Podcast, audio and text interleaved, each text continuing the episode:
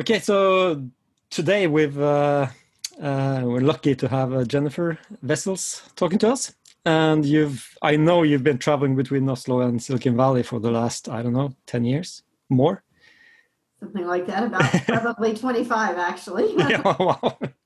And uh, always uh, trying to help Norwegian startups. Uh, um, startup and uh, and uh, help uh, Norwegian corporations to to start innovate. Um, so I, I, want to ask you, uh, what do you see as the main difference between the innovation culture or the innovation systems in in Oslo and Silicon Valley?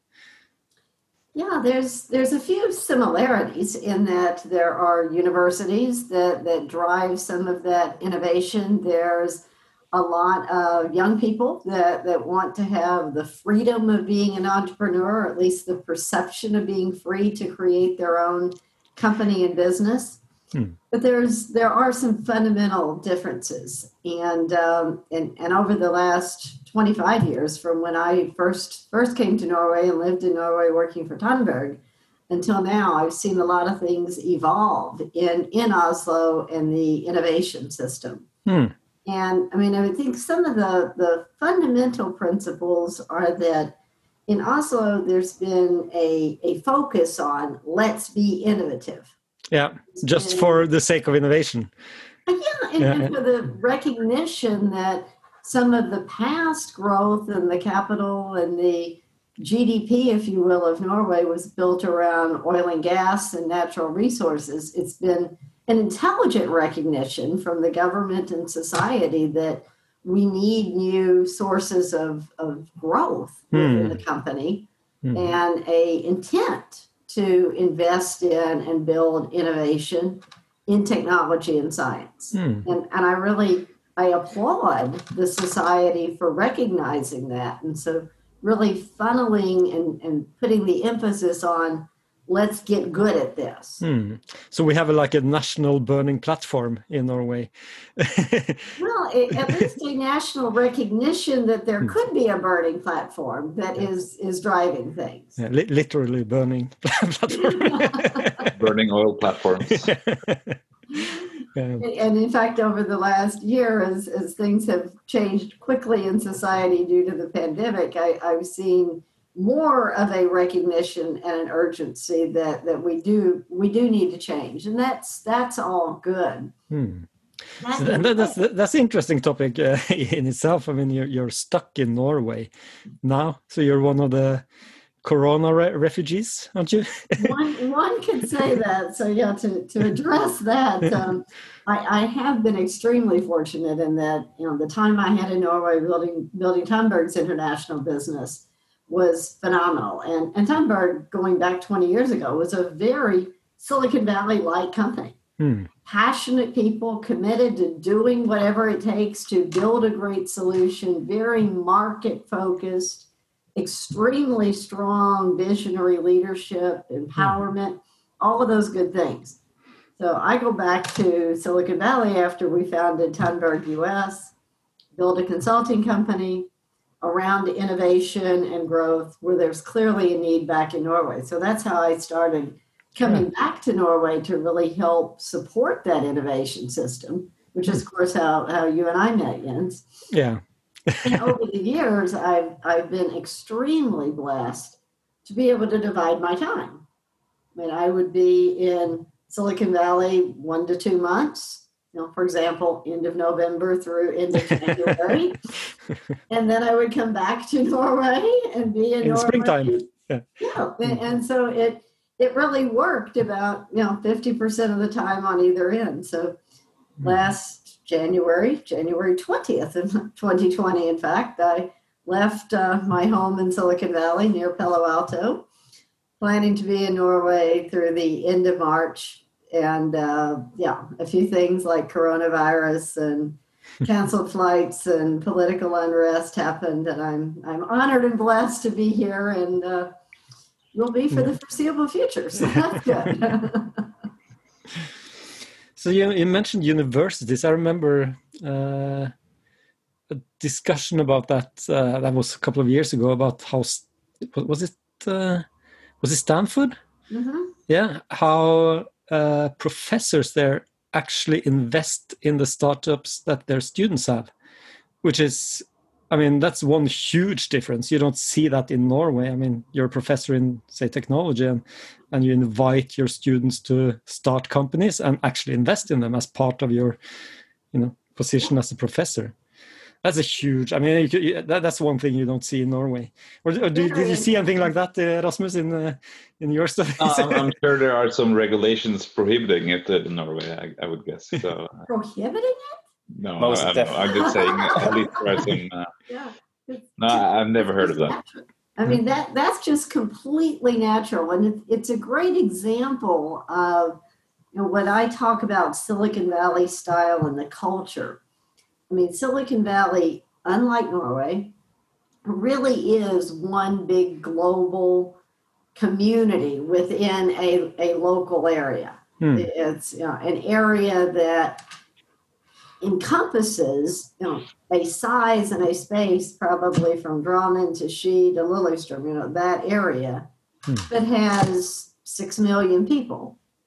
And those people can range from students to professors to investors to the gardeners to everything that makes society work. And, and I think a lot of the people in that area are from other places. In fact, about 95% of us that consider Silicon Valley home grew up somewhere else, hmm. either other states in America or, for a lot of people, other countries. And so, just that nature of being very diverse, and and also people that have a little bit of that experience of going from another place into a new culture. Mm-hmm. We're used to learning how to work with others in different ways. Yeah. And one of the things that attracts most people to Silicon Valley, whether it's a student or a professor or somebody to start a business, is the passion to make a difference. And so when you add those things together, I mean, if you think about a professor who has a passion to make a difference in helping young engineers learn uh, computer programming, and he really gets to know these people, it's only natural that he or she would, would want to invest in their companies because they see the opportunity. It's much more of a blending of, of, of people and cultures and boundaries. You mentioned uh, making a difference, uh, which is quite interesting because um, I've done a lot of uh, interviewing of people we potentially hire. And uh, of the students we interview, I've seen a trend in the last few years where a lot of Norwegian students who say they want to make a difference end up wanting to work in public sector in Norway. Mm-hmm. That's where they see where they can make the most difference uh, for the kind of the time they have. Uh, do you see the same thing in Silicon Valley, or does that kind of willingness to or motivation to make a difference spawn a new company instead? Yeah, it, it's more that it spawns new companies. Um, at least, you know, from a Silicon Valley view, the person that is attracted to the typical public sector, and we would call it government kinds of roles, I mean, those, those people tend to be more, more structured, more traditional, more want to have a job and do their job and put their passion elsewhere. Mm. See the a lot of the people that say, I really have a dream to change the world, they believe that, that they have the ideas and the, the capabilities and the network to do it on their own outside of that structure. Hmm. But what kind of infrastructure does uh, or environment does Silicon Valley have that kind of gets people to spawn these companies instead of uh, kind of just signing up at the uh, government office or something like that? Yeah, that that's you're touching on exactly the the biggest difference. Um, there there are certainly resources and there's incubators and and structures in Silicon Valley but that other than that, there's very little. I mean, there wouldn't be a government office you would go sign up for to get funding. That that just simply doesn't exist. Mm. So it, it spawned in Silicon Valley out of the person. The person says, I have a dream and a passion to create an app that lets people identify which park bench is on the sunniest side of the world to help them do X. Hmm. Mean, they're fueled by. That's a great idea, by the way. you, can tell it's November, and I'm appreciating the sun today. but it, it's much more. It comes from the person, and and the, the the funding to go explore those park benches and to to experiment. That funding comes from the person. Mm-hmm. It doesn't. Nobody gives him money. I mean, he or she may talk to their friends and family that, that believe in them and will give them a loan. They may go to the bank and take out an extra mortgage against their house, hmm. but there's nowhere outside that they would go to to get funding at that level. Once they've built a business, and there may be people that want to invest in it, but not not the give me money. Hmm. Rasmus. Yeah, and, and I guess uh, Silicon Valley, you have people, you have the most uh, kind of driven, passionate people from all over the world, and kind of uh, pushing each other to new adventures. And you have people there with money, willing to uh, willing to invest in these kind of startups. And so you have there are lots of good things in place. While in Norway, you are we have kind of all kinds of people, both risk averse and less risk averse, and people who want a safe job and people who wants to make a uh, a big impact. So, uh, yeah, I guess it's kind of unfair comparing. Yeah, Norway. it's I, I, have, I have this uh, feeling or, or, this idea that. Um, uh, as you said, Silicon Valley attracts a certain kind of person and mm. and you see that much more in America than than uh, in Europe and especially in Norway that people move around to be be part of a community somewhere. Uh, while in Norway we we live where we live and we do the best out of that. and that's just that's completely different mindset. I mean, I if I really think through the you know say. 4,000 people I know to some degree reasonably well in Silicon Valley in an expanded network.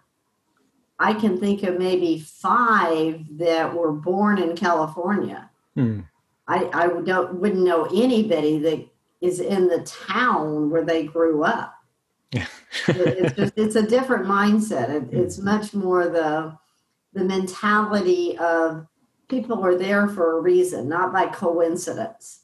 Mm. We, we, we, we migrated there in order to be part of that society, changing, changing things, driving things, and, mm. and with wide open eyes that it's not utopia. I mean, it, it, it may sound um, a November day in Norway, being in sun in Silicon Valley with investors and other people around you may sound like a perfect environment but it's highly competitive. Hmm. It's it's extremely difficult to uh, to buy houses and to set up a life. It's hmm. extremely expensive. It even hmm. makes Norway look inexpensive in, in some areas.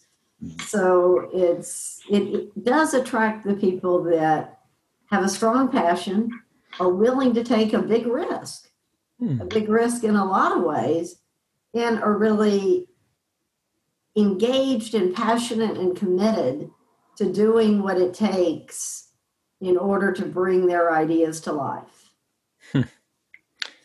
And that reminds me of one of the, one of the things I think is uh, surprising is uh, because in Norway we're so used to thinking that uh, wages are so high in Norway, like we're a high cost country. But when you look at highly qualified uh, uh, people Norwegian wages are actually pretty low. And, uh, Very low.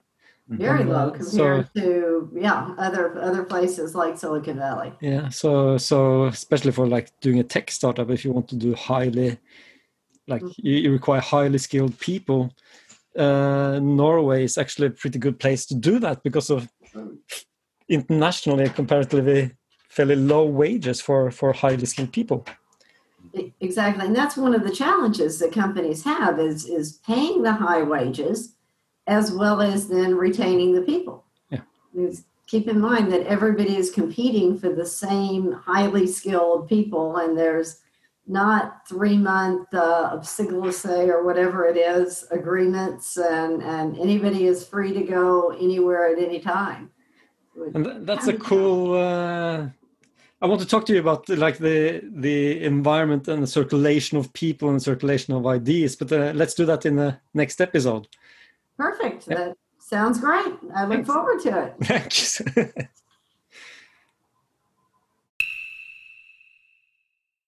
Drypp er en lavterskelpodkast fra Bekk hvor vi diskuterer diverse temaer som interesserer oss. Og Hvis du har et tema som du har lyst til at vi skal snakke om, eller du vil være med på en innspilling, ta kontakt på drypp.beck.no.